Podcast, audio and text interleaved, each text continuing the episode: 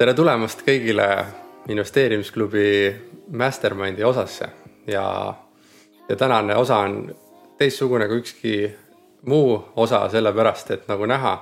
me oleme üles rivistunud nagu lennukipiloodid. ja, ja tänases osas on meid viis tükki ka. meid, me ei ole nii suure külaliste arvuga siis osa varem lindistanud, nii et nii mitmeski mõttes on täna täiesti esmakordne saade. Ja mis muu tuleb teemaks kui Covid üheksateist viirus majanduslangus ja, ja meie investeerimispõhimõtted ja strateegiad sellises, sellistel ärevatel aegadel.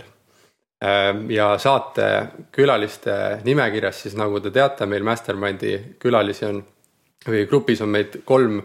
kolm tükki lisaks minule ja Markusele veel. Ehk täna on terve kamp esindatud. Paavo Siimann, Jaak Roosaare ja Kristjan Liivamägi. ning paari sõnaga võib-olla, kes kui keegi kuulab esimest korda ja ei tea, kes need härrasmehed on, siis äh, auväärt äh, külaliste sissejuhatus on järgmine. doktor Kristjan Liivamägi. nimelt äh, meil on tänases saates kaks doktorit, Kristjan ja Paavo ja siis väga suure kogemusega praktik Jaak Roosaare. Kristjan siis varasemalt on pikaajaline juhtiv ja vandeaudiitor Ernst Youngis ja, ja üks hinnatud äh, ja Eesti hinnatumaid äh, rahanduse õppejõude nii Tallinna Tehnikaülikoolis Minoris kui ka äh, viimasel ajal siis Rocca al Mare koolis. Jaak Roosaare investor ja ettevõtja ja, ja autor, nimelt kirjutanud kolm menukit rikkaks saamise õpikute järjest ja triloogiast isegi ja kirjutanud ka siis lastele või kaasautor olnud raamatul Tom õpib rahamängu ja kuidas saada rahatargaks kuidas saada rahatargaks? Tom õpib rahamängu on kellegi teise raamat. aga hea raamat sellegipoolest ja doktor Paavo Siimann. USA-s on väga tavaline doktor öelda, Eestis on nagu imelik juba, aga, aga igastahes doktorikraadiga siis eh, pikaaegse finantsjuhi kogemusega olnud seespoolt, eh, seespool ja näinud eh, siis köögi poolelt nii erinevaid valdkondi nagu need ööklubid, alkoholi hulgimüügid, ravimitööstus ja ka kabanosside jaemüük ehk et kütuseäri. Ja sarnaselt Kristjanile siis ka TTÜ-s õppejõud finantsaruannete analüüsi ja majandusarvustuse, majandusarvestuse õppeaines. just ja põgusalt, kui tuua seda tausta, et miks me üldse täna siin oleme, siis noh kui nii-öelda inimesed, kuulajad, vaatajad, vaatate seda saadet kunagi kaugemas tulevikus, siis kuupäev täna on äh, teine aprill kaks tuhat kakskümmend aasta. ja, ja andes põgusat konteksti, siis äh, see nii-öelda mainitud viiruse Covid-19 pandeemia on aktiivne hetkel üle Euroopa ja, ja USA ja Aasias on siis äh, näha juba esimesi taandumise märke. ja mida see kõik investeeringute, investorite vaatepunktist tähendab on see, et oleme tegelikult viimaste nädalate jooksul kogenud ja näinud äh, üpriski kiireid languseid. et äh, näiteks siin Aasia alg-, äh, aasta algusest on Balti, mitmed Balti börsiettevõtted kaotanud oma väärtust sõltuvalt ettevõttest keskmiselt kakskümmend kuni nelikümmend protsenti laiapõhjalised aktsiaindeksid on kukkunud kalendriaasta algusest ka enam kui kakskümmend protsenti keskeltläbi ja, ja nii Eestis kui ka siis äh, mitmetes muudes maailma piirkondades majandussektorite tegevus praktiliselt seisab. toimuvad esimesed koondamised, palkade langetamised ja sihuke üleüldine äh, nii-öelda kindlustunne kahaneb ja teadmatus kasvab. ja, ja tegelikult tahakski teiega kohe selle nii-öelda jutuselme siin lahti teha. et äh, kuidas te ise isiklikult tunnete, et kuivõrd on tekkinud hirm mainitud viiruse ümber teie silmis nagu põhjendatud või, või siis ei ole vastupidiselt põhjendatud, et äkki Jaak, teeme, teeme sinuga sõna otsa lahti, kuidas sa tunned, mis sa arvad? Äh, vaatasin eile järgi ETV-st koroonafilmi ja mõtlesin, et äh, miks ma seda varem ei vaadanud, miks ma neid Wuhani uudiseid varem ei, veebruarikuus ei viitsinud jälgida. ja siis mulle meenus, et see oli suhteliselt sama, kui oli see kaks tuhat kaheksa-üheksa kriis, kui tulid esimesed uudised, et mingid fondid lendasid õhku et siis ma ka nagu alguses äh, lasin need kõrvust mööda, et ei tundunud eriti oluline meie igapäevaeluks. nüüd on vist kõigile kohale jõudnud, et suhteliselt oluline on. et ma arvan, et äh, kõik tänased investorid äh, pole varem sellist kriisi läbi elanud, et, et minu jaoks on küll suur, suur probleem mm. -hmm. Kristjan, tahad sa, soovid sa lisada midagi? Jah, ma vaatasin ka sedasama filmi mõned päevad tagasi või seda dokumentaalfilmi, et äh, eks võib-olla selle kriisi eripära võrreldes teiste kriisidega on ikkagi see, et ta tuli väga kiirelt, väga järsult ja ja, ja mis, mis toimus, et noh, et ongi see, et tegelikult äh, erinevad liikumispiirangud ja riikide aktiivne sekkumine on siis selle majandusaktiivsuse väga järsult ära katkestanud, et, et kui eelmine kriis vähemalt ma mäletan, et see tuli nagu natukene laugemalt, natuke pikemalt, et et see ei käinud äh, niimoodi, et ärkad ülesse ja ongi olemas, et ühe-kahe nädalaga et see võib-olla on niisugune selle kriisi eripära, see ei jätnud muidugi väga palju ähm, ettevalmistusaega kellelegi või, või üldse kohanemisvõimalust, et see kohanemine peabki nüüd toimuma siis jooksvalt ja, ja hetkel on see käimas, et kes, kes jõuab kohaneda või kes üldse saab kohaneda, et paljud ei saagi enam kohaneda. Paavo, kuidas sina tunned selles olukorras? no ma mõistan, et kuna olukord on äh, tundmatu et noh, lihtsam oleks, kui ma ei tea, kriisi oleks ju põhjustanud mõni inimene või midagi taolist, et siis oleks see käitumine võib-olla ettearvamatum, aga kuna olukord on nüüd tundmatu, et siis on nagu arusaadav, et seetõttu emotsioonid möllavad äh, palju tugevamini ja, ja olen kolleegidega nõus, et äh, tuli jah äkitse, et, et kohanemine käib jooksvalt. sest noh, ma arvasin, et äh, kuskilt äh, mingi pauk võib tulla, et äh, aga ma pigem arvasin, et mingi geopoliitiline pinge võib plahvatada. et, äh, et see, et me tegeleme siin kätepesu ja sellega, et see oli nagu minu jaoks selline üllatav areng, et. ja kui nüüd võttagi see koroonaepideemia puhang ja sellega kaasnevad majanduslikud mõjud ning just teie siin saate küla, külalistena olete kõik niivõrd pikaajalise äh, Äh, kogemusega investorid, et te olete ka eelmist äh, finantskriisi oma nahal nagu tundnud. nii et äh, sellepärast ongi kõige parem võib-olla vaadata natuke tagasi ja mõelda selle peale, et kuidas see kriis teie jaoks algust sai. et ma tahaks küsida, et kuidas see alguse sai, kuidas te esimesi, mis märgid olid need esimesed, kuidas, kuidas te seda enda nahal tunnetama hakkasite ja siis ma pärast jõuan ka selleni, et, et, et kuidas te olite nagu valmis portfelli mõttes, investeerimise mõttes kriisiks. sellepärast, et ju äh, pikema kogemusega siis äkki on strateegia vastavalt. igastahes esimene küsimus jah, siis et äh, kuidas algas kriis teie jaoks, mis olid esimesed märgid, mis, mis andsid mõista, et see nüüd on reaalne, et see jõuab nagu ka minu rahakotile? Jaak. no minul algas see niimoodi, et ma olin Tais ja lugesin hommikul uudiseid ja siis tuli uudis, et äh, joogainstruktor Merit Raju korraldab rahakoolitust ja avaldas raamatu nimega Rikkaks saamine naistele või midagi säärast. ja see oli veel veebruari lõpupoolel, kusagil seal teises pooles. ja siis ma ütlesin oma abikaasale, et vaata, et äh, make a mental note, et äh, turutipp on käes, et joogainstruktor kirjutab raharaamatu. ja siis ma siiamaani peksan pead vastu seina, et ma siis kõike ära ei müünud, mis mul käes oli aga suht päevapealt jäigi turu tipuks ja siis minu enda portfelli jõudis kriis kohale üheksas äh, märts. ma just täna tegin blogiposti, et siis ma käisin need sündmused läbi. et äh, see oli esimene selline suurem kukkumine USA turul ja minu meelest siis oli nagu enam-vähem selge ka see, et see ei ole selline ühekordne väike võng, võnge või värelus, vaid äh, vaid ikkagi nagu trendi muutus ja et siis ma reageerisin suht agressiivselt, sellepärast et äh, oma portfell nagu kriisi valmis saada. ja, ja noh, agressiivselt sa saad reageerida eelkõige aktsiatega, et kõik muud varad on sellised pikemaajalised ja eeldavad siis natukene pikemaajalist reageerimist ja pakuvad vähem likviidsust, nii et siis äh, minu eesmärk oli siis ruttu endale rahapuhvrit tekitada ja, ja pigem siis äh, nüüd viimased paar nädalat ma olen eelkõige volatiilsuse müügiga tegelenud ja proovinud sealt siis natuke raha teenida. Kristjan. Äh, jah, sihuke tagantjärgi tark olles äh, esimesed siuksed huvitavad märgid hakkasid tegema, mäletan, ma käisin äh, jaanuari lõpus käisin massaažis oma massööri juures ja ta ütles, et tema mees, kes tegeleb logistikaga, et ja just nimelt Aasia suunal ütles, et eh, seoses selle viirusega on tarneahelad on väga paigast ära ja, ja neil kaup ei liigu absoluutselt. noh, siis ma hakkasin mõtlema, et jah, et, et huvitav olukord tõesti, et nad pigem nagu ajutist laadi.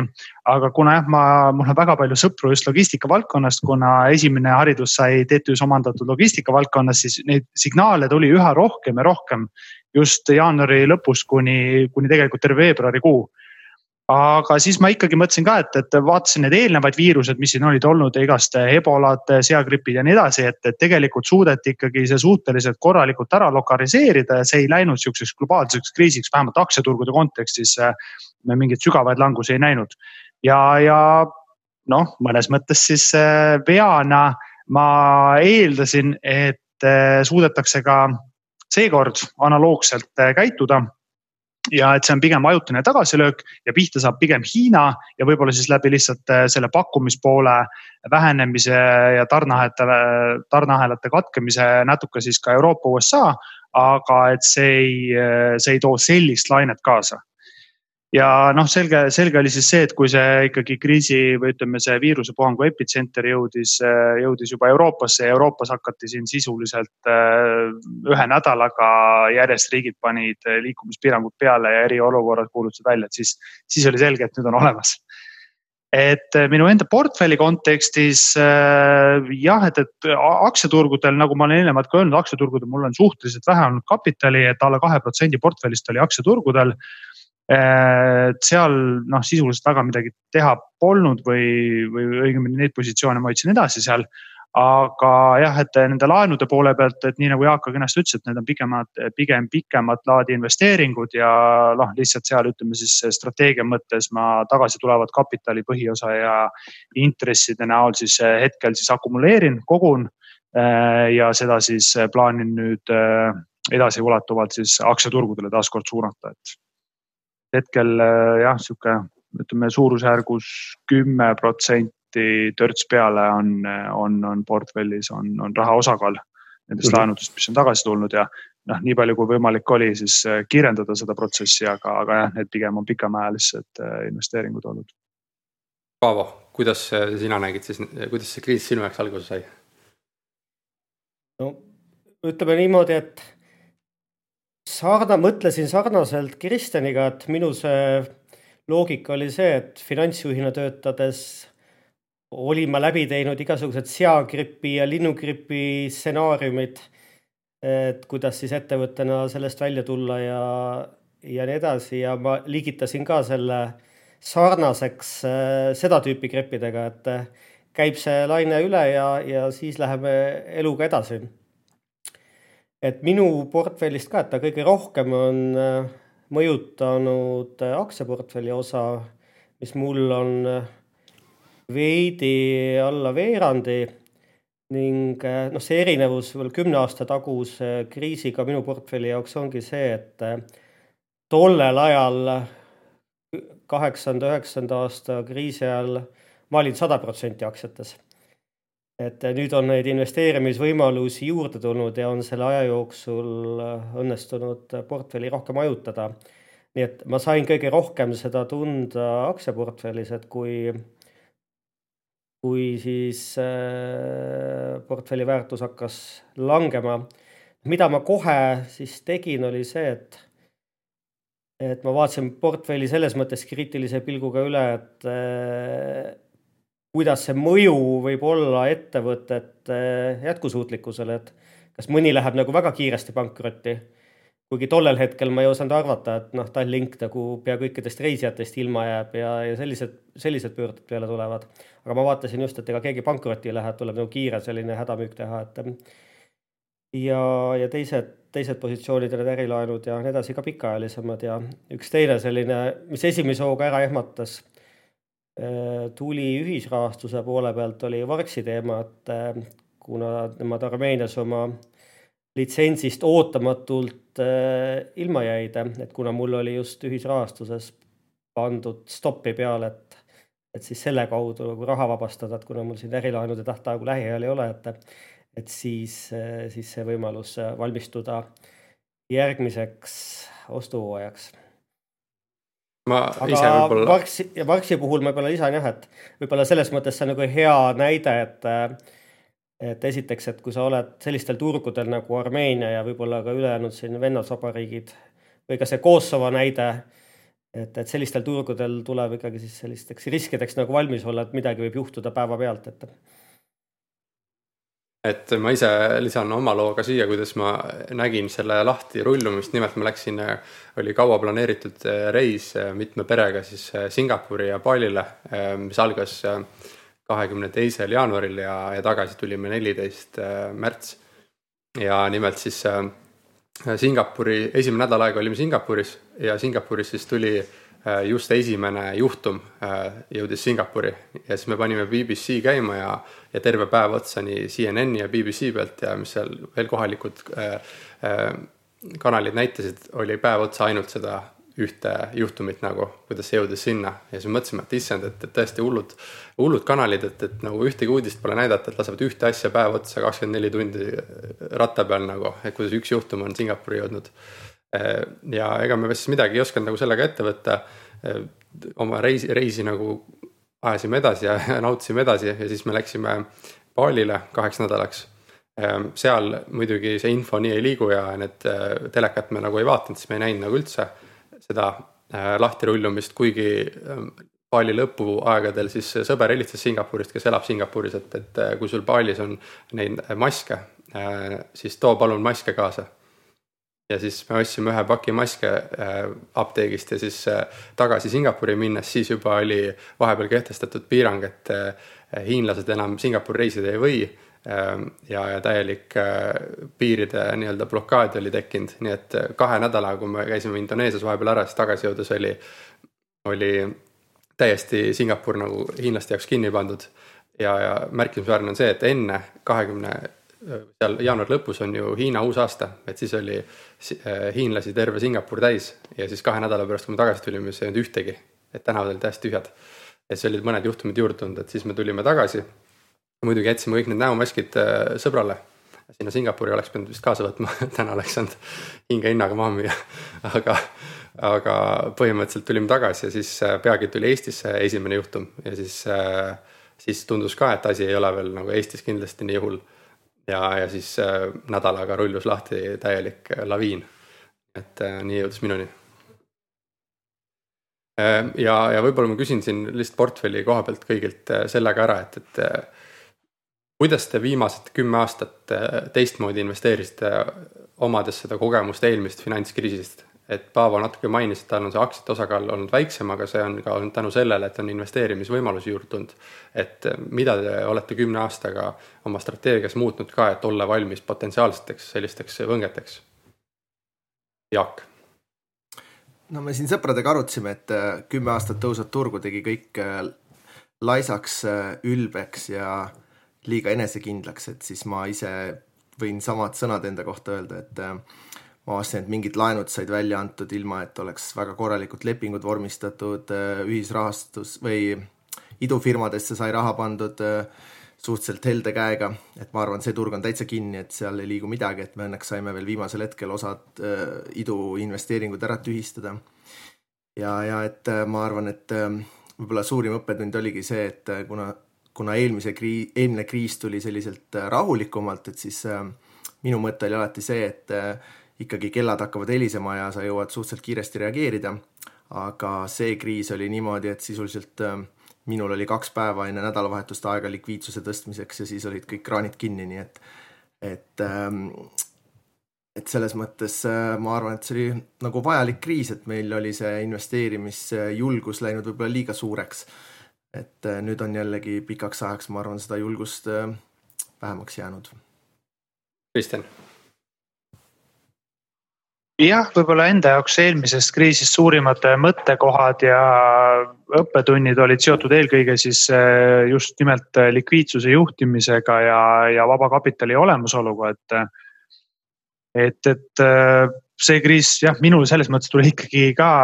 nii selles mõttes ootamatult, et see tuli ülikiiresti ja need sündmused rullusid lahti väga järsult ja, ja need nii-öelda dominoklotsid hakkasid väga kiiresti kukkuma et äh, noh, see on jälle sihuke nii ja naa, aga, aga noh, tänasel hetkel ma selles mõttes oma portfelli kontekstis pigem tunnen ennast hästi, et et kuna kapitali, kapitalikontodel on piisavalt ja, ja, ja tegelikult tasapisi tiksub kogu aeg tagasi ka sealt. Ja mingisuguseid nii-öelda margin call'e ei, ei ole tulnud või, või noh, nii-öelda võimendusega ma investeerinud ei ole, et siis pigem, pigem üritan neid olemasolevaid positsioone, mis on, et selge see, et ka nende tagatud laenude puhul tekib Äh, laenuvõtjatel probleeme ja siis pigem tulebki paindlikult ja avatud meelega koostöös leida lahendusi, et kuidas sellest olukorrast välja tulla, et ma pigem keskendungi ja fokusseeringi sellele, et, et need laenud, mis on pikemaajalised, et äh, koostöös siis vastaspoolega välja töötada juba varakult võimalikult head stsenaariumid, kuidas need, kuidas need, kuidas see kapital ikkagi päeva lõpuks koju tuua aga, aga seda teha võimalikult mõistlikult ja mõlema osapoole huvisid arvestades, et. et jah, et noh, et ütleme nii, et hetkel on likviidsuse poole pealt selles mõttes okei okay,, et, et mingeid kohustusi või võimendust nagu ei ole, et, siis saab äh, natukene võib-olla rahulikumalt äh, toimetada. noh, niivõrd-kuivõrd, et. Ma küsin Jaagu käest tagasi korraks, et kuidas sul võimendusega lood on? mina sõitsin ikka normaalse võimendusega, nii et, et äh, sellepärast ma ütlesin ka, et kaks päeva oli aega see võimendus kinni panna, enne kui, enne kui äh, hulluks läksid asjad. et ähm, võib-olla üks asi kõigile võimenduse kasutajatele, et kui, äh, kui asjad väga ärevaks lähevad ja seal volatiilsus lakke hüppab, et siis need võimenduslaenu andjad ka muudavad oma tingimusi, et ma tean vähemalt ühte Eesti sellist äh, riskifondi, kes sellega õhku lendas selle, selle viimase paari nädalaga, et äh, et peab olema siis ikkagi kõva puhver, et äh, noh, mina enda asjad niimoodi sättisin ka, et see aktsiate võimendusel olev raha oli siis kasutusel justkui mingite muude investeeringute jaoks, kus selle raha sai tagasi tuua, aga see ikkagi nõudis natukene sellist ponnistamist, nii et mina sain ikkagi mõned magamata ööd ja natukene kulunud närvirakke selle äh, üheksas kuni kolmteist äh, märts perioodi jooksul. et äh, aga kirjutan selle kunagi pikemalt mingis kriisiraamatus lahti. väga huvitav kommentaar oli siin vahepeal, et vähemalt üks riskifond, kui sa nüüd siin mõtled aktsia baasil või, või väärtpaberite baasil tegelikult tegutsevaid riskifonde, siis palju neid Eestis on? See, mida mina silmas pean, oli ühe riski või iduinvestori firma, kus nad siis kauplesid ka volatiilsusega ja põhimõtteliselt müüsid volatiilsust, et äh, aga nii palju, kui ma Mikuga rääkisin, siis äh, ega Mikul ka vist liiga hästi pole praegu läinud, nii et ärevad ajad kõigile kauplejatele. Äh, Paavo, kas sa tahad midagi juurde lisada, et sa alguses mainisid seda, et, et sul oli väiksem osakaal aktsiates, aga, aga mis muud nüansid oled sa nagu läbi aastate rakendanud, et, et kaitsta ennast suuremate languste eest? No mina olen siis võib-olla vastandunud Jaagule, et äh, mina olen väga vähe võimendust kaasanud, pisut, päris nullis ei ole, aga olen seda väga vähe teinud ja ja minu siht on olnud siis tekitada jah, maksimaalselt äh, jooksvalt äh,, jooksvat rahakäivet, et dividendide ja, ja intresside pealt. aga seda pigem siis nagu öeldakse äh, vähese madala, madala võimendusega, et mina olen hästi maganud, et mul selles mõttes pulsikell iga hommik annab teada, kui hästi magatud, et, et näitajad on nagu korras, et. ma annan Markusele üle siit, siis äh, liigume järgmisse teemasse. ja et äh, üks nii-öelda väga oluline komponent, ma arvan, praeguses äh, praeguses olukorras on ka tegelikult see, et lisaks sellele investeerimise poolele, kuidas toimetada üldse sihukese eraisiku rahanduse ja võib-olla leibkonna finantside seisukohast et, et äh, kas ja mida olete te ise üldse muutnud äh, näiteks ütleme perekonna kulude juhtimise või, või isiklike kulude juhtimise seisukohast. Äh, ja mida te võib-olla ehk soovitaksite kuulajatele ja vaatajatele, et äkki Kristjan, alustame seekord sinuga. kuidas sul sellega läinud on? Jah, et selles osas tegime ka abikaasaga sellise väikese mõttevahetuse, et vaatasime üle, et mis on meie hetke, meie nii-öelda lähiperekonna ehk meie finantspositsioon. ja, ja, ja siis ka juba laiem ring, aga jah, et, et kuna hetkel mul on kaks avaliku sektori töökohta TTÜ-s ja Tallinna linnas ja, ja lisaks ka siis noh, ütleme, minor on pigem erasektor et siis nende rahavoogude osas äh, hetkel noh, mina konservatiivsuse printsiibist lähtuvalt ütlesin, et Mainor lõpetab tegevuse. Ma loodan muidugi, et nii ei lähe, aga Mainori rahavoog kukub sada protsenti ära ja, ja TTÜ ja Tallinna linna palgatulu äh, väheneb viiskümmend protsenti. Et võtsin siis selle stsenaariumi, sihukese konservatiivse stsenaariumi, vaat tahtsin lihtsalt teha nii-öelda sihuke stress testi, et kuidas me siis hakkama saame. ja kõikide investeeringute rahavood on täiesti nullis, sealt ei tule mitte sentigi tagasi ja abikaasaga, kuna abikaasa läheb siin äh, hetkel veel on Swedbankis, aga ta läheb lähinädalatel dekreeti ja, ja hakkab saama emapalka. et siis, äh, siis seal on ka nii-öelda riigi või avaliku sektori risk, et noh, seal see risk on suhteliselt madal et äh, seal me ikkagi uskusime või usume siiamaani, et riik suudab emapalka välja maksta, eks paistab ja kui me mängisime selle stsenaariumi läbi, siis äh, nägime, et äh, võttes arvesse meie igakuiseid äh, kulusid, siis ikkagi need tulud ületavad pea kahekordselt meie igakuised jooksvad kulutused. et, et selles mõttes eraisikuna saame nii-öelda hakkama ja kuna kontol on ka sisuliselt vist on mingi kolme poole, kolme aasta nii-öelda kulude varuga olemas sularahana või noh, ütleme cash'ina siis. et siis eh, meie eraisikuna hetkel nagu probleemi ei näe ja meie oma ütleme nii-öelda tarbimisharjumusi ei ole, ei ole muutma hakanud või, või nuudlisuppi ei ole sööma hakanud veel hetkel eh, küll aga, aga selge on see, et me vaatasime ka siis eh, oma laiendatud perekonna seisu üle, ehk siis ema, isa, vanaema, vanaisa ja, ja uurisime, et kuidas nendel seis on. Ja noh, selge see, et ikkagi mõned sektorid eh, on väga valusalt pihta saanud ja seal on ikkagi siis see palgatulu, eh, palgatulu kokku kuivanud, et näiteks mul vanaisa, kes on veel kergejõustikutreener, et noh, seal sisuliselt eh, elab, elab pensionis praegu. aga, aga me mängisime selle olukorra kõik läbi ja, ja kui on vaja, siis abistame ka perekonnaliikmeid, et, et see on läbi mõeldud ja, ja nendega siis kooskõlastatud et äh, seega jah, hetkel ikkagi sööme sama toitu, mida me oleme siiamaani söönud, tellime küll e-poest, aga, aga, aga nii-öelda toidukraam on sama. väga vägevalt sihuke süsteemne läbimõtlemine ja just nii-öelda äh, kitsama pere ja siis ka laiema pere kontekstis, et mulle, mulle see nagu väga meeldib. Äh, Paavo, kuidas sina enda, endal oled, enda puhul oled lähenenud? mina olen, noh, minul oli alguses, kui see kui see pihta hakkas, et mul oli suhteliselt vähe eh, vaba raha, et kuna ma küll ei ole võimendust palju kasutanud, aga ma olen olnud selle pooldaja, et raha peab kogu aeg raha teenima. et äh, ei ole eesmärk äh, teda seal pangakontol hoida, et, et võib-olla see niinimetatud meelerahufondist oli ka näpistatud, et, et võib-olla oli see, oli see koht, kus siis mina äh, veidi hullu panin, et, et siis märtsikuu äh, sisuliselt see eesmärk oligi siis need kõik sissetulekud äh, lähevad selle meelerahufondi, äh, läksid selle meelerahufondi tõstmiseks, et millega ma selles mõttes nagu saavutasin, et, et ei ole küll kolme aasta tase, et on, on kuskil kaheksa-üheksa kuu tase, aga ma arvan, et see on minu jaoks praegu nagu okei. okay noh, võib-olla kulustruktuurist rääkides, et peab tunnistama, et mõned kulud on nagu ise ära langenud, et et noh, autokütuse peale nii palju ei kulu ja ja, ja meelelahutuse peale nagu ei kulu üldse ja et see, et põhiliselt nagu toidu ja kommunaalkulud ongi jäänud, et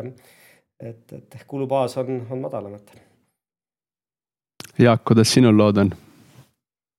ma pean ka nentima, et ei olegi vist ammu-ammu nii vähe raha kulunud kui märtsikuus, et lausa lust oli kirja panna. et äh, me küll autoga natuke sõitsime ringi, aga nüüd ma lugesin, et diisel läheb ka odavam, odavamaks kohe varsti, nii et äh, igati tore. aga jah, et selle likviidsusega oli ka minu meelest äh, natuke sama õppetund, et äh, kümme aastat tõusvat turgu ja sellist äh, olukorda, kus väga kunagi ei pidanud muretsema selle pärast, et kas raha on kontol või ei ole, et said alati võtta võimenduslaenu juurde, kui vaja, et siis äh, pani nagu jällegi neid Äh,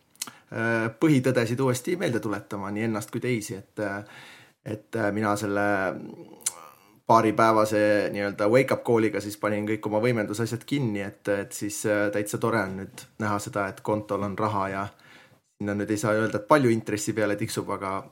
kuna ma olen seal LHV ühe protsendi klubis, kes siis saab ühe protsendi intressi, et siis ikkagi sendid tiksuvad nagu. Ja, ja, ja võib-olla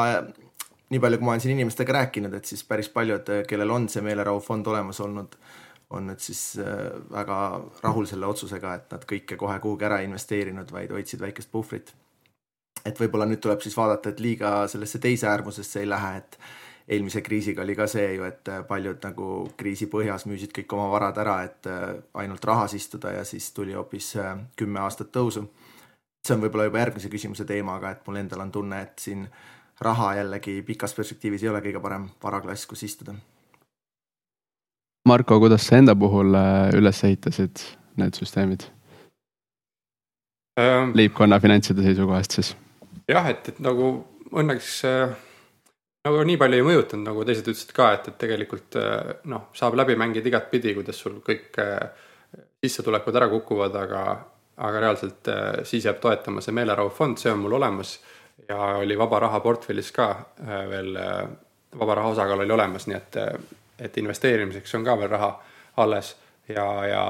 kulude poolelt noh, need muutused toimusid iseenesest, nagu Paavo ütles, et, et kõik ebavajalikud kulud kukkusid iseenesest ära. ja mm -hmm. me just aasta alguses mõtlesime, et see aasta tahaks hullult palju reisida.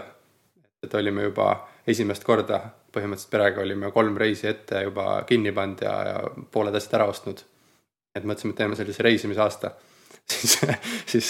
see korrigeerus iseenesest niimoodi, et, et kaks reisi on nüüd kindlasti tühistatud juba ja nendelt loodetavasti siis raha saab tagasi ja kolmas reis äh, pidi Põhja-Itaaliasse olema, et ma arvan, et selle me jätame niisamagi ära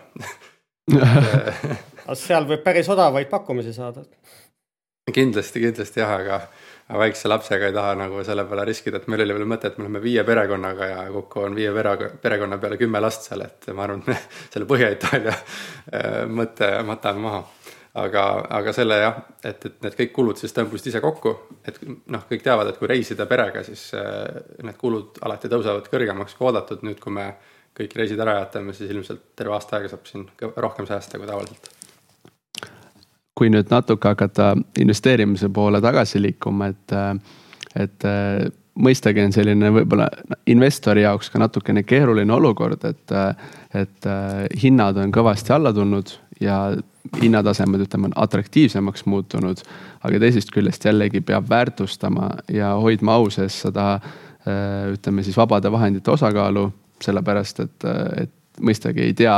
kaua, kaua selline olukord praegu võib veel jätkuda ja igasugune eurokontol võib kasuks olla, tulla.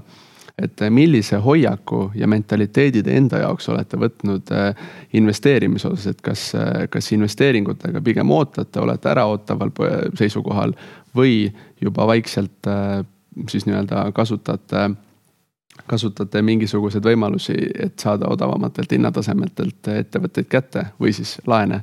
et, et Paavo, äkki teeme siinkohal sinuga nüüd otsa lahti, et kuidas sa endal oled teinud või plaanid teha? noh, et üks variant oleks siin nagu tiksutada väikeste summadega ja, ja siis, siis mingi väikese summa saad ka kunagi põhjast kätte, et ma seda ei ole rakendanud, et, et minu huvi on ikkagi jah, aru saada, et kuidas see kõik edasi läheb, sest seda tundmatust on liiga palju veel sest äh, üks asi on see, kui palju jälle raha juurde trükitakse ja teine asi on siis see, et äh, kuidas siis viirus üldse kontrolli alla saadakse, sest ega rahatrükiga viirust kontrolli alla ei saa, et need on nagu selles mõttes kaks erinevat dimensiooni, et, äh, et nagu neid, neid mõlemat nagu jälgida, et et millal siis hakkab selline taastumine pihta ja millal põhjast läbi käiakse, et et noh, mida ma jälgingi, ongi siis ka ettevõtete puhul, et noh, et ikkagi aru saada, et, et kes sellest kriisist läbi tulevad. sest noh, need, kes läbi tulevad, nendel võib see eelis olla ju, nende konkurents on muutunud olematumaks. kui sellest eh, konkurents väheneb ja, ja sellel aastal võib ju sellelt ettevõttelt palju halbu uudiseid tulla, aga järgmisel aastal või siis juba palju paremad uudised, et näiteks juba Tallink tuleb kriisist läbi, aga, või tuuakse kriisist läbi, aga võib-olla teiste laevaettevõtetega seda ei tehta, et, et siis on ju Tallinki turuosa kindlasti, kindlasti suurem. ja noh, mis mind huvitab nagu see on, et noh, see on niisugune filosoofiline küsimus, et mis inimeste käitumises muutub peale selle kriisi läbimist, et et noh, me oleme nüüd harjunud nii palju aega ekraani ees veetma, et et ju meile neid reklaame hakatakse siis siin ekraani ees rohkem müüma edaspidi, et, et need firmad hakkavad üles minema.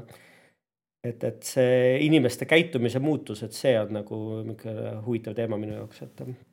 et ma arvan, et selline fundamentaal, noh, kui siin mõned ütlevad, et fundamentaalanalüüsiga pole siin praegu midagi teha, et noh, ma selles mõttes mõistan neid, et kahe tuhande üheksateistkümnenda aasta aruanded võivad esmapilgul nagu kasutud tunduda, et et esimese kvartali numbrid võib-olla ka veel nii kõike ei räägi, et äh, aga samas ma saan kaks tuhat üheksateist numbrite põhjal ikkagi aru, et äh, milline on ettevõtte võlakoormus, palju tal raha on, kui kasumlik tema ettevõtmine on, kui eks ju, kui palju seal võib nagu järgi anda ja vaadata selliseid muutuv- ja püsikulude proportsioone, et et seda saab ka nende numbrite põhjal vaadata. ja noh, ma tean ka ju seda, et äh, turg ju praegu tegutseb ainult emotsioonide või kõhutunde või, või, või mingisuguste mitte fundamentaalsete näitajate põhjal, et siis ühel hetkel hakata nagu paika panema, et millised aktsiad on üle ja alahinnatud, et, et see on see, mis minu peas toimub, et. väga põhjalik, aitäh sulle, Paavo. Kristjan, kuidas sina oled lähenenud, et kas hetkel pigem äraootaval seisukohal või mõtled äh, mingisuguste investeeringute suunas? Ähm, ma viimased paar nädalat olen väga aktiivselt äh, taaskord niinimetatud lauasahtlist välja võtnud needsamad strateegiad, mida ma kasutasin aastal kaks tuhat, kaks tuhat kümme või kaks tuhat üheksa, kaks tuhat kümme. ja, ja enda jaoks selle watch list'ist välja sõelunud siis äh, Euroopa, USA ja mõned Baltikumi ettevõtted, samamoodi ka siis sektori indeksid. Äh, kus siis on plaan jupikaupa sihuke kolme kuni viie osakaupa hakata positsioone võtma, aga ma isiklikult usun ka, et äh, arvestades äh, või noh, ütleme neid prognoose, millised tulevad see esimese ja teise kvartali tulemused äh, nii makromajanduse kontekstis kui ettevõtete kontekstis siis turg ei ole täiel määral seda negatiivsust veel arvesse võtnud, ehk ma hea meelega ennem posi-, aktsiapositsioonidesse nii-öelda taaskord sisse minemist ootan ära need esimese kvartali tulemused, et sealt tuleks neid negatiivseid uudiseid peale äh, nii makromajanduse poole pealt, äh, tarbijate kindlustunde poole pealt kui ka ettevõtete poole pealt. ja, ja siis, siis juba aprilli-maikuus loodetavasti, noh jah, ei tohi küll loota turu languse peale aga kui need negatiivsed, minu hinnangul saavad need tulemused olema oluliselt negatiivsemad, kui turg veel hetkel ootab. ja, ja siis siis tasapisi neid positsioone hakata juba sisse võtma. aga, aga jah, meil üks asi on kokku lepitud abikaasaga, et äh, panime piiri alla, et viisteist tuhat eurot peab kindlasti kontol olema, et äh, see, see on raha, mida me ei puudu äh,. niikaua, kuni me ei ole taaskord majandustsükli kasvufaasis, ehk see, see on kindlasti see raha, mis minimaalselt peab kogu aeg kontol olema perel. et see, seda raha me ei näpi. Jaak, kuidas sinuga on? Mul selle puhverfondiga oli juba eelmise aasta lõpus selline hea asi, et äh, ema palk ja lapsetoetused la laekuvad abikaasa Luminori kontole, mida tema ise ei oska sinna sisse logida ja mina ka seda koodi peast ei tea, et siis meil istub ka see rahapuhver seal juba päris hästi ja vahepeal mul oli äh, tahtmine sinna küüned taha panna, kui äh, oli ärevad ajad, aga abikaasa ütles, et ei, see kakskümmend ja natuke peale tuhat peab seal kontol olema ja et siis see seal on. aga mina olen ikkagi päris palju tehinguid teinud viimase kuuga, et, et ma tegelikult ma arvan, kuskilt sügisest saadik USA turul eelkõige investeerisin Berkshire'isse, olen seda nagu juurde ostnud, sinna pikaajalisi müügioptsioone peale müünud, kõvasti kaubelnud sellega. et ma ise eeldaks, et et äh, see ettevõte tuleb sellest kriisist nagu veel tugevamana välja. Et esiteks neil oli seal äh, sada kakskümmend pluss miljardit vaba raha ja, ja teiseks on seal siis mõned ettevõtted, mis sellest kriisist ka nagu kasu lõikavad, kuigi nende aktsiaportfell ilmselt saab kõvasti pihta. ja Eesti turul minu algne tees oli see, et ehitusfirmad kõvasti võidavad sellest äh, nii-öelda majanduse kokkukukkumisest ja riigi abisüstist et mina ise eelistan Nordeconi Mercole, et, et Nordeconil ei ole neid äh, korteriarendusprojekte käsil, mis Mercol on. Aga et vaadates, kui aeglaselt riik tegutseb selle raha liikvele laskmise ja kõige sellega, et siis mul on nagu võib-olla natuke küsimärke juurde tulnud selle strateegiaga. ja, ja teiselt poolt siis väike hirm võib-olla selles osas, et kui need toote tarneahelad kõik kinni jooksevad, et siis võib-olla see omakorda toob ehitusmaterjalide hindades mingit, mingit tõusu kaasa, mis siis nagu marginaali veidikene vähendab. noh, teisalt jällegi nafta hinna kukkumine ja, ja ilmselt ka tööhindade kukkumine jällegi peaks kasumimarginaale aitama ja, ja minu jaoks võib-olla kõige suurem üllatus oli see, et kuidas nagu Kristjan ka mainis, et turg ei ole veel nagu täielikult seda halbu tulemusi omaks võtnud, et kuidas see USA aktsiaturg nii aeglaselt reageerinud on sellele kriisile, et, et sisuliselt äh, kogu aeg oli selline tunne, et kõik need halvemad numbrid peaks juba ammu-ammu hindades sees olema ja siis tuleb jälle uudis, et äh, tuhat inimest on New Yorgis ära surnud, mida juba nagunii peaks, oleks pidanud kõik teadma, sest et äh, nakatumise numbrid olid ju seal ammu olemas. Aga ometi siis turg jälle selle peale kukkus kõvasti. aga et teisalt siis väga keeruline on ka hinnata, et kuidas see rahatrüki mõju Äh, kuidas ja kuna ta sinna aktsiahindadesse jõuab, et äh, ma mäletan seda, et ega eelmise kriisi ajal ka äh, seda põhja tabada oli päris keeruline, et, et mina hakkasin liiga vara ostma ja ilmselt seekord ka liiga vara.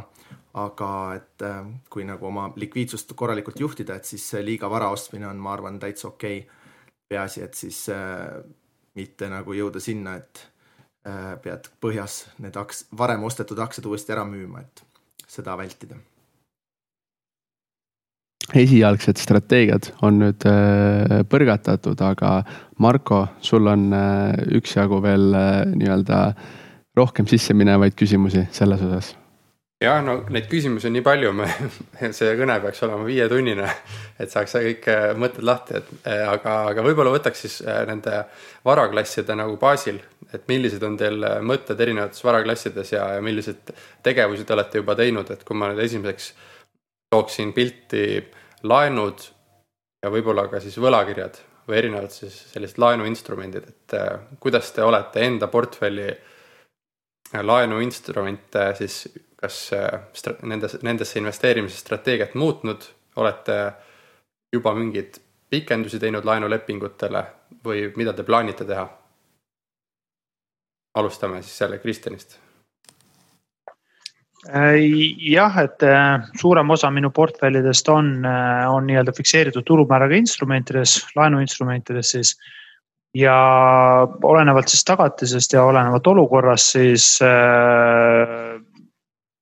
pigem jah, ütleme niimoodi, et mina olen hea meelega nii-öelda koostööks avatud, ehk siis juba etteruttavalt, kui on näha, et mingisuguseid keerulisi olukordi tekib, siis näiteks intresside maksepuhkused.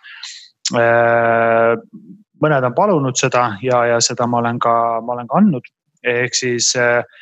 individuaalselt case by case neid ütleme otselaene või individuaalseid laene, mis kinnisvara tagatisel näiteks, et neid olen üle, üle käinud, üle vaadanud ja, ja kui on vajadust olnud, siis proaktiivselt selles mõttes sekkunud, et üritanud välja mõelda lahendusi, et kuidas siis sellest olukorrast koos, koos välja tulla et on ka laene, mis noh, see näiteks mingid ärilaenud, et kui, kui siin eelnevalt on ka juttu olnud, et näiteks Äh, olen investeerinud ka Cargetti, kes siis tegutseb Lõuna-Aafrika Vabariigis, et neil kontol viimase aruande järgi on korralikult raha olemas ja, ja kliendid seal ikkagi hetkel veel ka maksavad ja nemad oma intresse kenasti teenindavad, et seal ei ole pidanud mina hetkel veel midagi ümber vaatama hakkama ja, ja ühisrahastuse poole pealt, ühisrahastuse poole pealt siis märtsi alguses sai strateegiad kõik kinni pandud, et sealt siis tiksub tagasi, et minu jaoks võib-olla, kas ütleme siis positiivse üllatusena on see, et et, et veel hetkel ikkagi näiteks oma rahasse ei,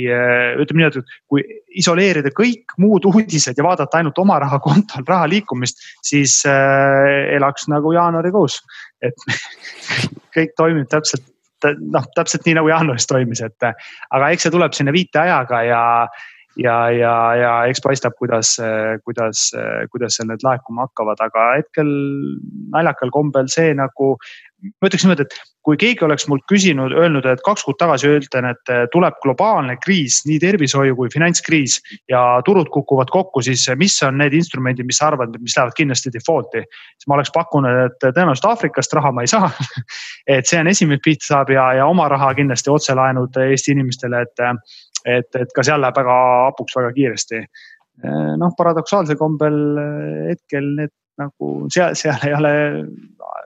hetkel toimib veel kenasti, et, et pigem, pigem, pigem on võib-olla mujal, mujal tulnud see, mujal keerulisemaks läinud. kas ma võin sellise otse, kas ma võin sellise otseküsimusega küsida, et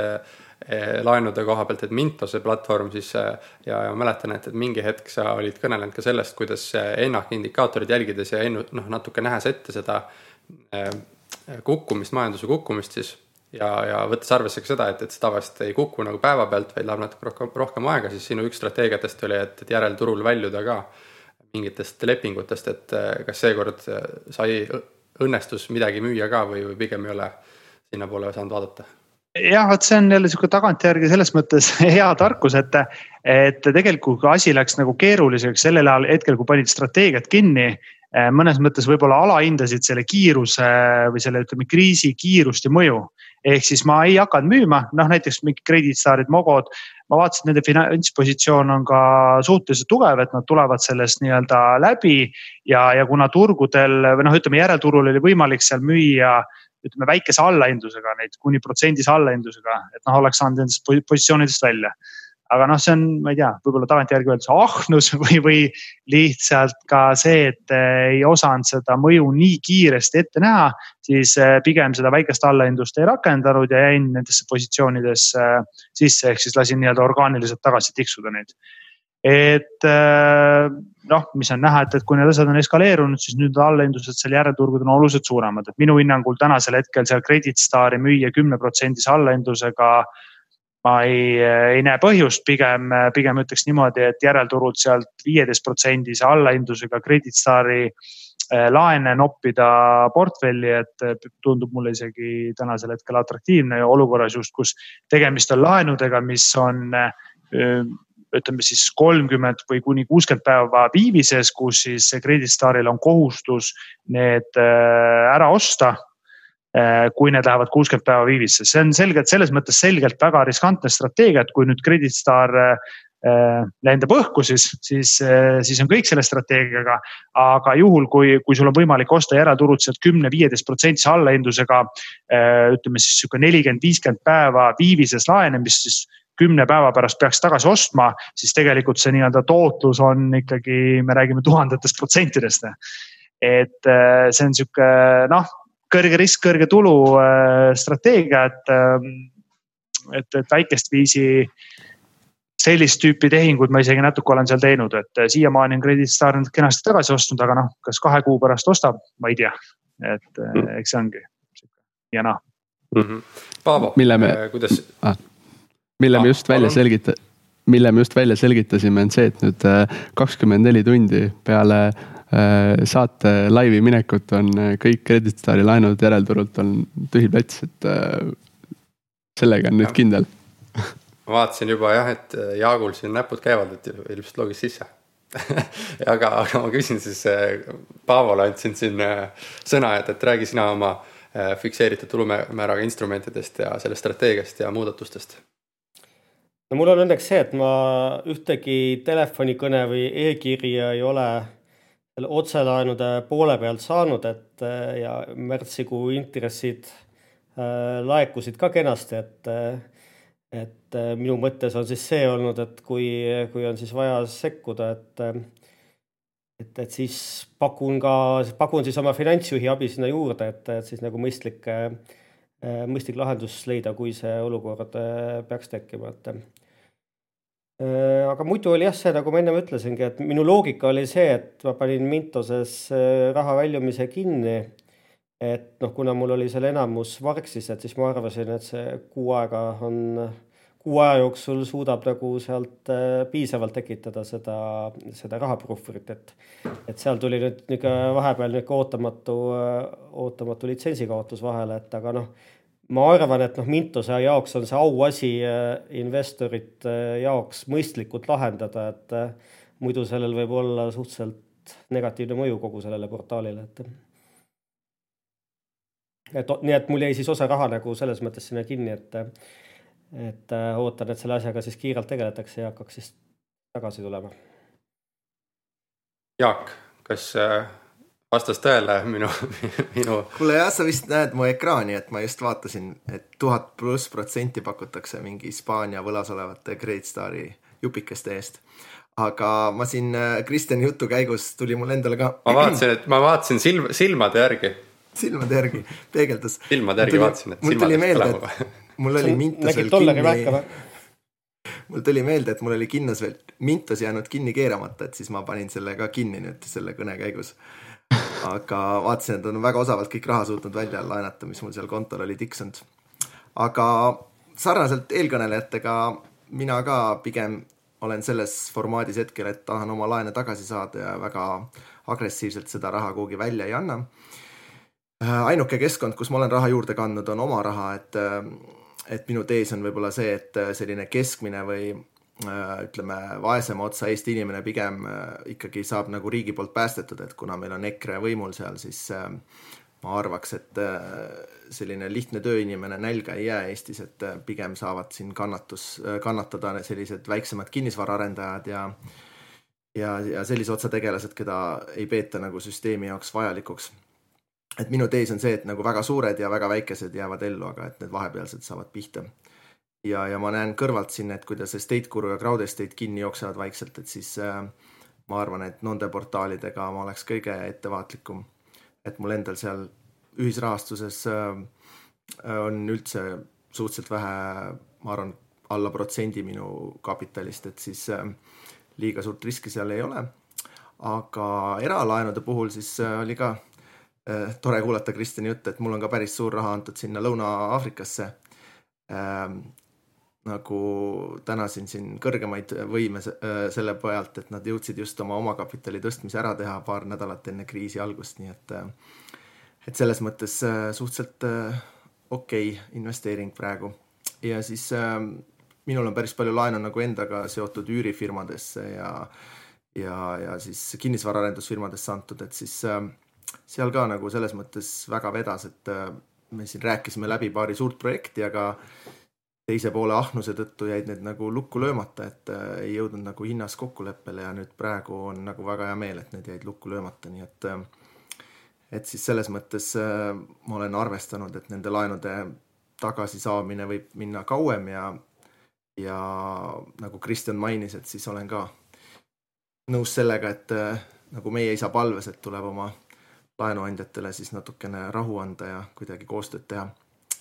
ja ja võib-olla siis äh, võlakirjade osas äh, mul on portfellis nagu mõned võlakirjad, mis on noteeritud ja mõned, mis on noteerimata, et siis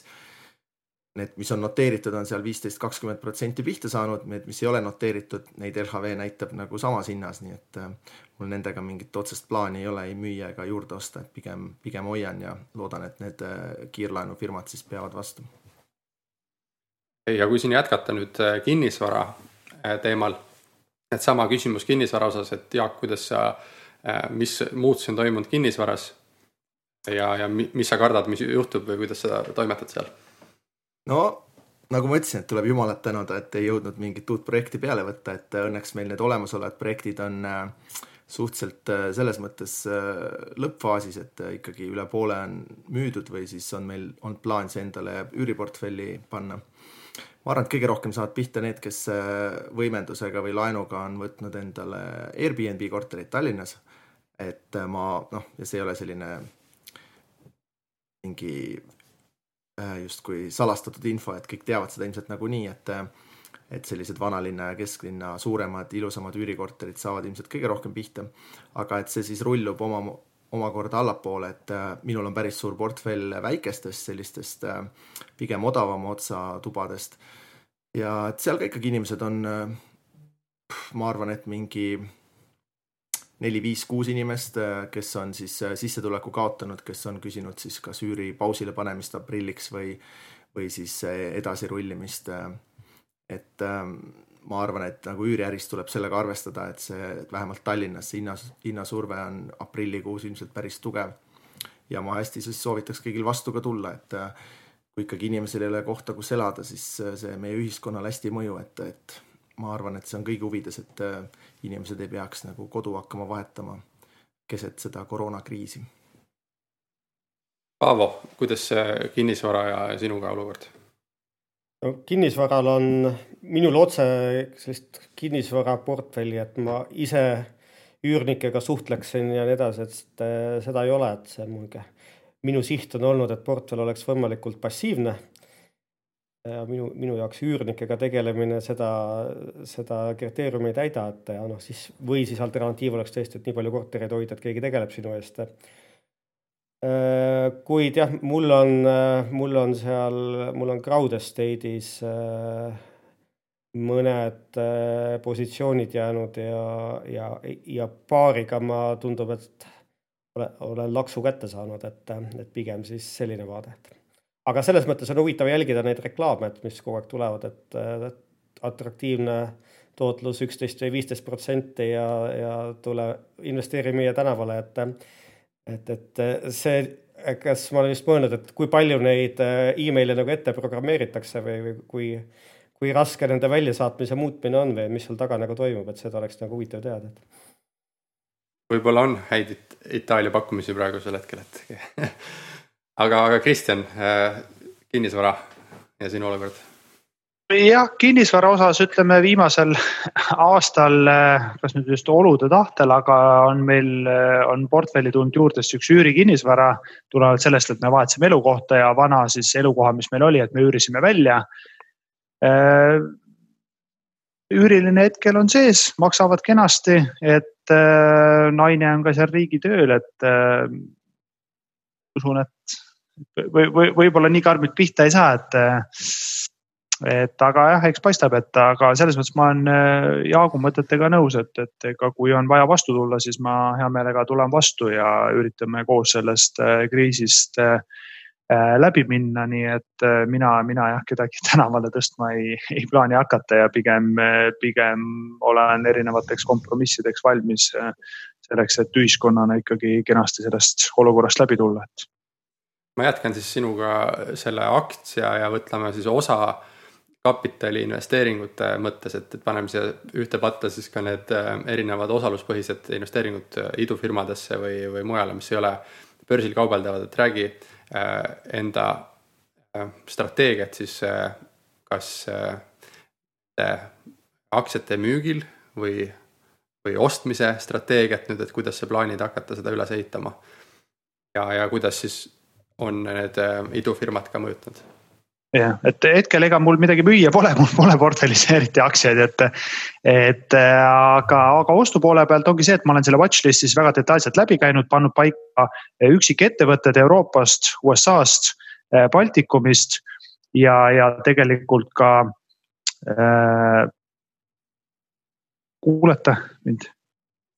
okei okay,, hangus ära natuke, aga olen paika pannud siis selle strateegia, et kuidas ma neid osade kaupa äh, plaanin ostma, ostma hakata.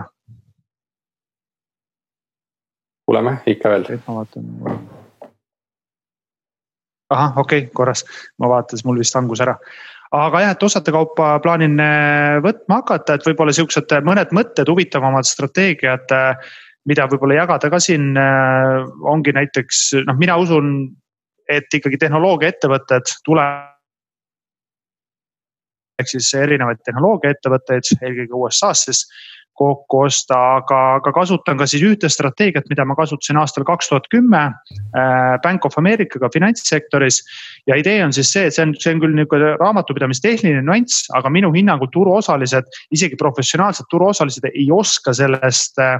Eh, seda informatsiooni adekvaatselt tõlgendada ja on korduvalt eksinud selle informatsiooni tõlgendamisel. Nimelt erinevad pangad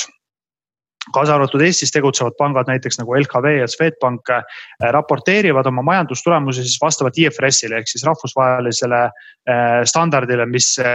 just nimelt nende laenuprovisjonide kajastamise osas väga konservatiivselt äh, sunnib neid kajastama. ehk siis lisaks laenudele, mis on juba viivises, nendele tuleb siis moodustada provisjonid või laenu, ütleme kahjumid siis vastu võtta. aga on ka siis kollektiivsed provisjonid ehk siis tehakse nii-öelda etteruttavalt juba ära laenuprovisjone tulevaste laenude kahju, äh, tulevaste laenukahjude katmiseks. ja tavaliselt need provisjonid, nii nagu ikka raamatupidamises, on väga konservatiivselt hinnatud ja ajalugu on näidanud, et vähemalt eelmises finantskriisis olid need selgelt üle provisioneeritud. Mis tähendab seda, et tulevastel perioodidel, kui asi normaliseerub ja stabiliseerub, siis neid provisjone hakatakse lahti ja sealt tulevad erakorralised kahjumid, küll aga nüüd järgnevatel kvartalitel minu hinnangul saavad pankadel, ka Eestis tegutsevatel pankadel olema kasumiaruandes väga suured erakorralised kulud nende laenuprovisjonide ümberhindamisest, mis ütleme siis väike väikeinvestoritele või ka isegi suurtele institutsionaalsetele investoritele, kes täpselt ei tea, kuidas see IFRS üheksa meto-, provisioneerimise metodoloogia toimib, see ehmatab nad ära ehmatab ära ja tekitab tunde, et no nii, nüüd ongi väga palju laene hapuks läinud, sealt tulevad väga suured erakorralised kahjumid ja need jäävadki kestma. aga tegelikult äh, nii ei ole. hea näide on Swedbank aastal kaks tuhat üheksa, kümme võite need majandusaasta aruanded ette võtta äh,. erakorraline provisjon, mis tehti, oli kümme miljardit sekki Eh, mille peale aktsiahind tegelikult eh, seal eh, pooleteist aastaga kukkus pea üheksakümmend protsenti. noh, seal olid muud makromajandusteemad ka, aga selgelt need numbrid, mis sealt vastu vaatavad, need on väga koledad. ja need ei lisa, need ei lisa kuidagigi positiivsust investoritele või usku, et nüüd asi läheb paremaks ja küll aga järgnevatel perioodidel aasta kaks tuhat üksteist, kaksteist, kolmteist, neliteist te näete, kuidas neid provisjone lastakse lahti. ehk laenukahjumitest tulevad, need on negatiivse märgiga, ehk sealt tulevad erakorralised tulud ja, ja see siis üllatab positiivselt investoreid, noh, mille tulemusena Swedbank näiteks seal aktsiahind pea vist viie või, või lausa isegi kümnekordistus äh, paari aasta jooksul. et ma usun, et äh, pankadega on toimumas sarnane protsess. Äh, ehk siis ma teadlikult olen välja valinud nii finantssektorist pangad, kes siis on ikkagi piisavalt tugevalt kapitaliseeritud, mida ma usun, et tulevad sellest kriisist läbi ja mille puhul ma ootan ära, et need negatiivsed uudised, need negatiivsed aruanded jõuaksid investoriteni. ja sellele, sellele järgnevad reaktsioonid, vot need on need, mida ma ootan. ja, ja sealt tulenevalt siis mina juba teadlikult soovin võtta ka nendes finantssektori aktsiatesse, pankades positsiooni sisse. et noh, näiteks üks minu, kas nüüd just lemmik, aga mis mulle väga meeldiks, on LHV. ma ootan, et äh, seal ka see nii-öelda protsess lahti rullub ja, ja, ja Swedbank samamoodi, et ja, ja ka Ameerikast mõned pangad siis.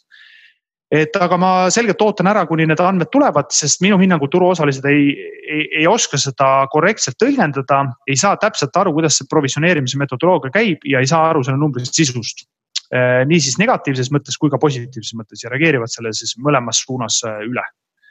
et äh, need on siis äh, noh, mõned mõtted lihtsalt konkreetselt spetsiifilistest ettevõtetest ja sektoritest. aga, aga jah, tehnoloogia on kindlasti minu hinnangul üks sektor, mis võidab, et sinna ma siis äh, plaanin positsioone võtta nii üksikaktsiate kui ka siis sektori indeksite näol. ja, ja siis ka teisi ettevõtteid, et üks, mis mulle pakub huvi, küll aga natuke madalamalt hinnatasemelt on näiteks Lufthansa Euroopast et ma usun, et ka Euroopas toimub siis lennundusturul selline nii-öelda konsolideerimine natukene, kus siis suuremad äh, tulevad sellest võitjatena välja. Äh, neid võib-olla siis ka riigi toel abistatakse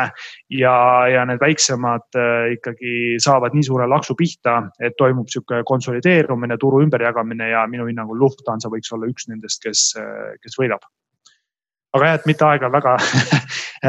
väga raisata, et siis kui on detailsemad küsimusi, ma võin hea meelega pärast rääkida, aga jah, et need on mõtted mm -hmm. minu aktsiapositsioonide osas noh, võib-olla kui ma nat natuke tõlgin siin Kristjani juttu veel, et seoses nende eraldistega, et mida mina olengi näinud, et, et vaadatakse hästi palju kasumiaruannet, aga unustatakse analüüsimata rahakäibearuanne ehk siis raha teenimine ja raha väljaminekud, et pankrotti lähevad ettevõtted ju ainult ühel põhjusel, et sellepärast, et raha ei ole, et kasumis ettevõtted lähevad samuti pankrotti ja kahjumis ettevõtted ei lähe pankrotti, sest nad suudavad raha teenida. et võib-olla väike vihje siit Eesti turult praegu, et meil on tegelikult juba üks ettevõte, kes siin mõned aastad tagasi sealt äh, suured äh, eraldised moodustas ehk äh, Tallinna Vesi. et ühel hetkel juba enam nende vastu nõudeid esitada ei saa, et ma usun, et nemad hakkavad järjest seda eraldist ümber hindama ja, ja, ja selle võrra siin järgneva paari aasta jooksul kasumit suuremana näitama, et jah, äh, väga hea, ma vaatan jällegi, et siin paljudel näpud käivad ja orderid juba sees võib-olla. aga, aga mis, mis muud äh, aktsiate valdkonnast, mis sa ise oled, äh, Paavo, sa plaanid teha või, või mis sa oled juba teinud? no mis minu jaoks, et noh, mida ma usaldan, on nagu see, et silma peale hoida, noh, praeguses olukorras ma arvan, et eks ju jaekaubandus, esmatarbekaupu on ikka vaja. et, et premium kaupadel ei pruugi hästi minna, aga esmatarbekaupadel läheb nagu hästi. Ja tõepoolest jälgida nüüd neid ettevõtteid, mida inimesed nüüd, ma ei tea, tänu sellele kaugtööle ja nii edasi rohkem kasutama hakkavad, kelle teenuseid, et ma kujutan ette, et mõned harjumused juurduvad ja võib-olla ettevõtetel polegi enam nii suuri kontoripindu vaja, et igaühel on oma taburet seal olemas, et, et, et hakataksegi teistmoodi tööd tegema, et, et kas sa arvad, et see on juba hinnastatud sisse turul, see kasv nendele kaugtööettevõtetele, kes sellest kasu saavad? või, või mitte? ma usun, et siin see käib nagu edasi-tagasi veel siin kordades, et sõltuvalt, milliseid uudiseid nagu makromajanduse tasemel tulevad. Jaak, kuidas sinu strateegiad, väljavaated, huvitavamad mõtted aktsiate osas või, või, või osa, osa äh, kapitalipõhistes investeeringutes? no mina esimese asjana müüsin endale. palun ma... vaata, võta oma see, siis ja. pane heliga käima uuesti sorry, et äh, mina esimese aktsiana müüsin endale Efteni portfellist ära ja teisena Tallinna Vee, et äh, need olid mõlemad sellised, kus siis oli suhteliselt lihtne raha tekitada, et äh, oli nii käivet piisavalt ja hinnad ei olnud väga pihta saanud. Et ma arvan, et Tallinnas ja Eestis Baltikumis ärikinnisvara saab kindlasti väga tugevalt pihta, et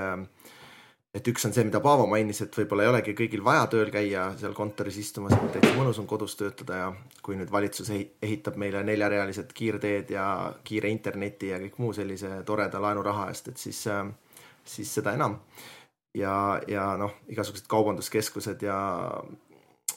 eriti sellised Porto Franco stiilis arendused, ma arvan, ka külmuvad omajagu. aga mina aktsiates olen siis ma olin enne ka Swedbanki juba raha pikalt pannud, et ma seda siis äh, iga natukese taseme pealt äh, nopin juurde, et äh, ma jälle kuulasin Kristjanit ja imestan, et kuidas siis turg nii aeglaselt reageerib, et aga ju see tõesti nii on, et siis peabki arvestama jälle selle ohuga, et liiga vara saavad positsioonid sisse võetud olema. et LHV-s ka vist juba kilgati, kui aktsia kukkus sinna üheteist ja kaheteist peale, et juba on väga soodne ja nüüd ta vist on juba läbi kümne kukkunud ja kui Kristjani teest tõeks peab, et siis ta ilmselt ju kukub veel omajagu.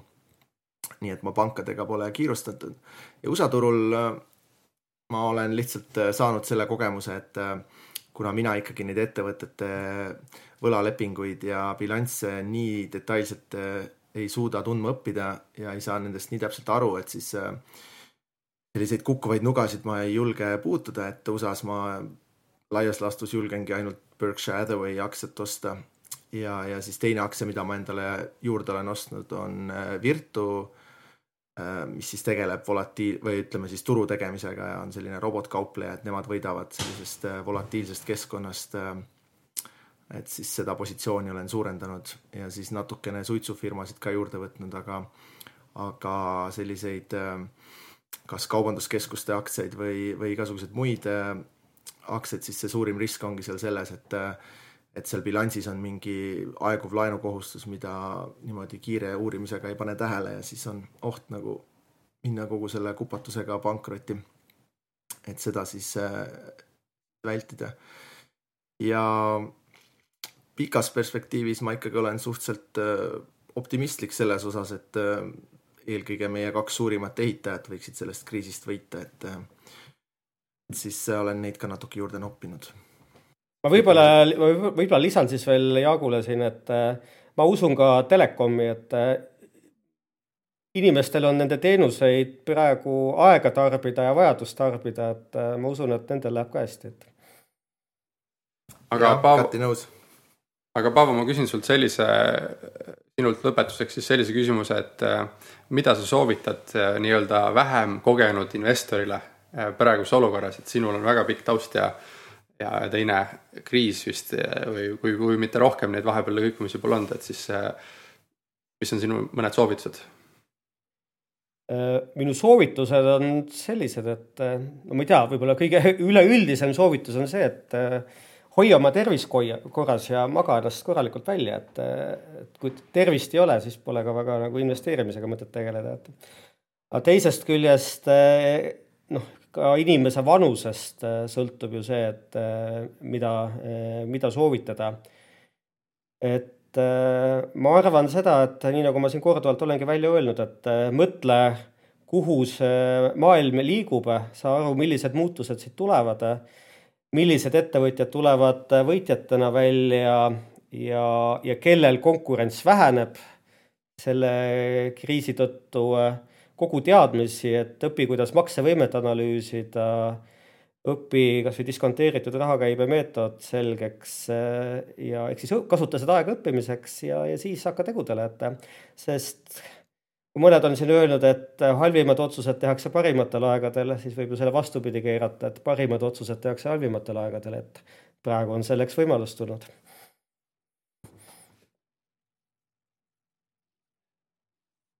ja et äh, üks nii-öelda eraldi suurem teemaplokk, äh, mida, mida kindlasti praegu on väga oluline käsitleda, on just investori psühholoogia pool ja, ja eriti nendes tingimustes, kus äh, siin märtsi alguse päevil oli näha noh, näiteks Tallinna börsi kontekstis või Baltikumi börsi kontekstis äh, siin kahekohalisi miinusnumbreid ühe päeva sees. et äh,, et, et kuidas ja, ja kuidas te endal olete just nagu juhtinud seda protsessi, et, äh, et, et psühholoogia poolt, et ühest küljest võib tekkida nii-öelda hirm, on ju teisest küljest jälle sihukene FOMO, fear of missing out, et äh, turud langevad, tahaks nagu madalalt äh, tasemelt osta. et, et millised siuksed psühholoogia nipid, trikid, häkid olete endale rakendanud, et Kristjan, võib-olla teeme sinuga algust, kuna sa oled kõige, kõige rohkem ka akadeemiliselt poolelt seda valdkonda uurinud jah, kui enda portfelli kontekstis rääkida või mida mina rakendan, et äh, et noh, tegelikult esimene asi ongi juba ootuste juhtimine, et mina, mina ei ole endale mitte mingisugust ootust pannud, et ma turu tippu või turu põhja peaksin kuidagigi ajastama. seega mul ei teki ka mitte mingisugust survet hakata nii-öelda või kartust, et ma jään mingisugusest rongist maha või, või, või või, või jah, et, et, et seal ei teki nagu mingisugust sihukest emotsionaalset äh, tunnet.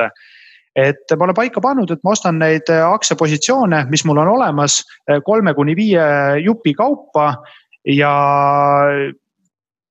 ja, vastavalt sellele tegutsengi ja ma tean, et ma jätangi viisteist tuhat eurot jääb alati kontole. see on raha, millega ma saan, saan piisavalt kaua ära elada, mis iganes peaks juhtuma ka nende aktsiabörsidega ja isegi kui need aktsiad peaksid kõik minema pankrotti ja kasvõi laiapõhjalised indeksid. aga noh, siis tõenäoliselt on meil juba suuremad probleemid kui see, kui, kui need aktsiapositsioonid. nii et äh,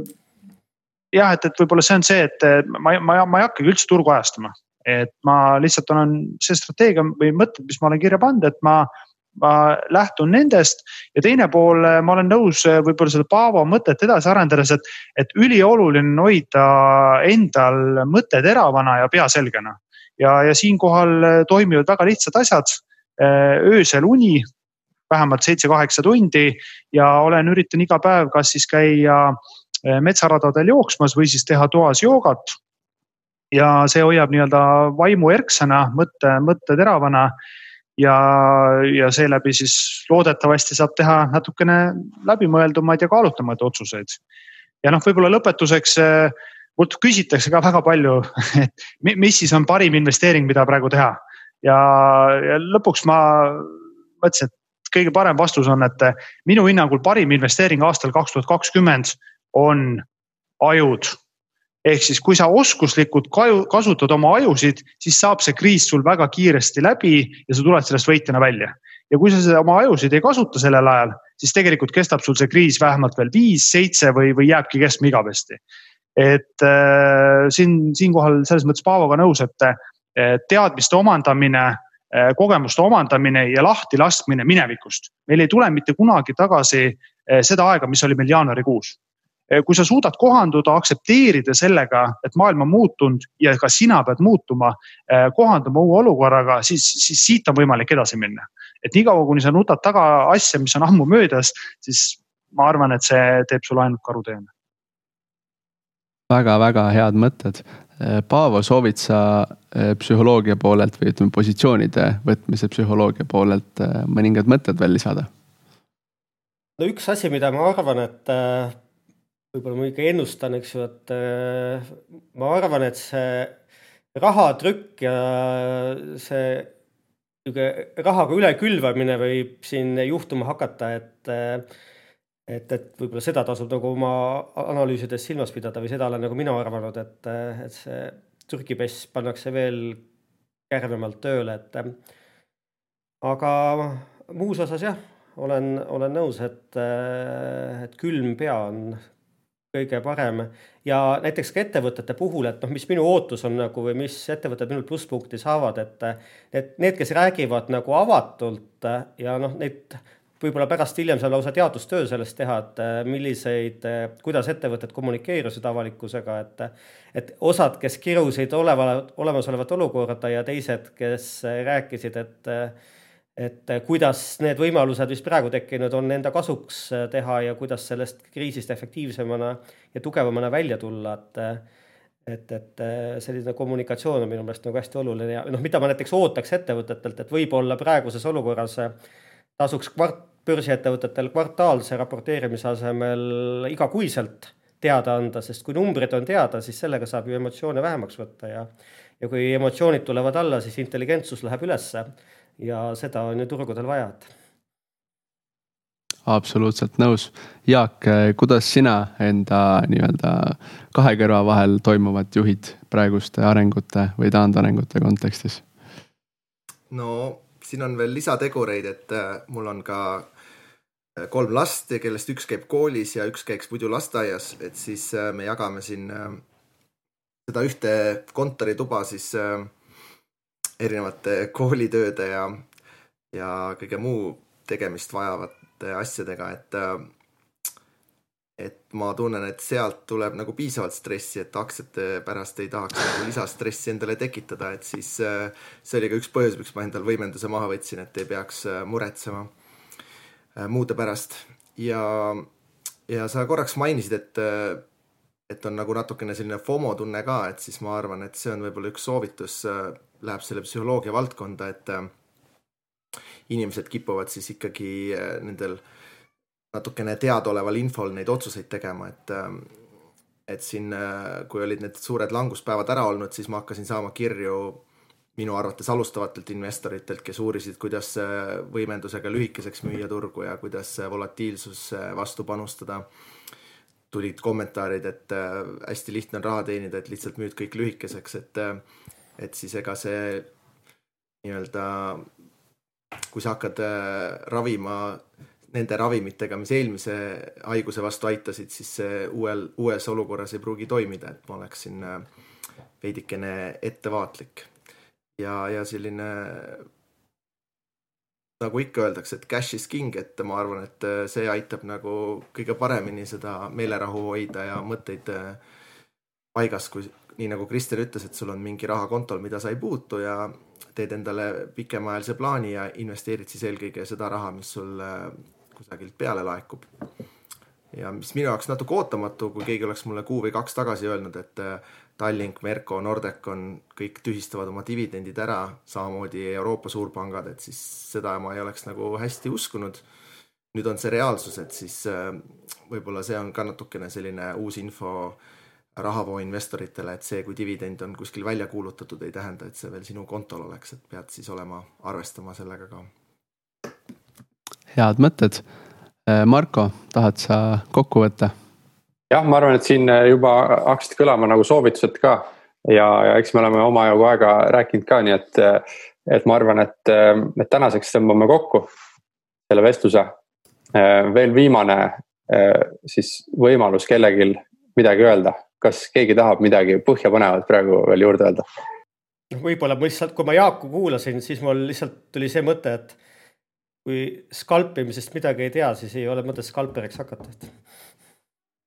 ma ühe mõtte lõpetuseks ütleks, et kuna, kuna teil kõigil siin kõnel on palju tutvusi, et siis survestage palun riigiisasid, et me vähemalt kümme kuni kakskümmend miljardit laenu teeksime, et et vaadates, kuidas kõik teised Euroopa riigid laenavad ja millised need võlakoormused on, siis Eestil on nagu võimalus sellest kriisist väga palju võita. et kahekümne miljardiga me saaksime päris palju asju ära teha või siis selles mõttes kaotada, et me oleme ainukesed nii-öelda jutumärkides tublid, kes ei võta riigilaenu ja kaotame siis sellest, kui euro kaotab oma väärtust või need võlad mingi hetk lihtsalt nullitakse. nii et survestage oma riigiisasid. ja Kristjan oleks hea sinult ka kuulda veel viimased sõnad. selles mõttes olen eel, eelkõnelejatega nõus ja võib-olla üks täiendav mõte, mis mul endal on tekkinud, ongi see, et, et Jaagu mõtet edasi arendades ongi, et, et tõenäoliselt äh, aasta-kahe pärast me räägime juba väga kiiresti inflatsioonist ja vaadates, kuidas ikkagi keskpangad, äh, riikide valitsused Äh, nii-öelda sihuke lõdva rahapoliitikat viljelevad, siis äh, ega noh, sellest võlast vabanemiseks on kaks võimalust, sa kas ei maksa tagasi või siis sa lihtsalt inflateerid äh, selle võla ära, ehk selle suhteline väärtus siis alaneb. et ma arvan, et seda esimest meetodit pigem ei soovi keegi kasutada või see tekitaks teisi probleeme teiste doominokivide kukkumisi, nii et pigem üritatakse siis ütleme, suured jõulised institutsioonid üritavad endast kõik, äh, kõik teha selleks, et tekitada inflatsioon. et riigid suudaksid siis nii-öelda ka seda võlakoormust ähm, tagasi maksta, mis noh, minu hinnangul tähendab siis seda, et äh, paari aasta perspektiivis me räägime juba sellest, et äh, cash is trash ehk reaalvarad ja finantsvarad on need, mis suudavad vähegi väärtust hoida selles uues makromajanduskeskkonnas ja, ja tuleb juba vastavalt sellele hakata siis ka mingi aja pärast positsioneeruma. et äh, noh, see on juba võib-olla natuke sihuke teise või kolmanda järgu mure või probleem. et ennem tuleme ikka kriisist läbi, aga ma usun, et vähemal või rohkemal määral erinevates riikides me hakkame üha, üha rohkem ka seda teemat äh, järgnevatel aastatel käsitlema suurepärane, härrad, aitäh teile selle mastermind'i eest. hea oli mõtteid vahetada, ma arvan, et kuulajatel on palju kasu ja kuulajad, kellel on küsimusi, pange igale poole alla kirja ja, ja ma aitan äh, teisi härrasid aktiveerida, et, et need vastatud saaksid. aitäh. aitäh teile. aitäh.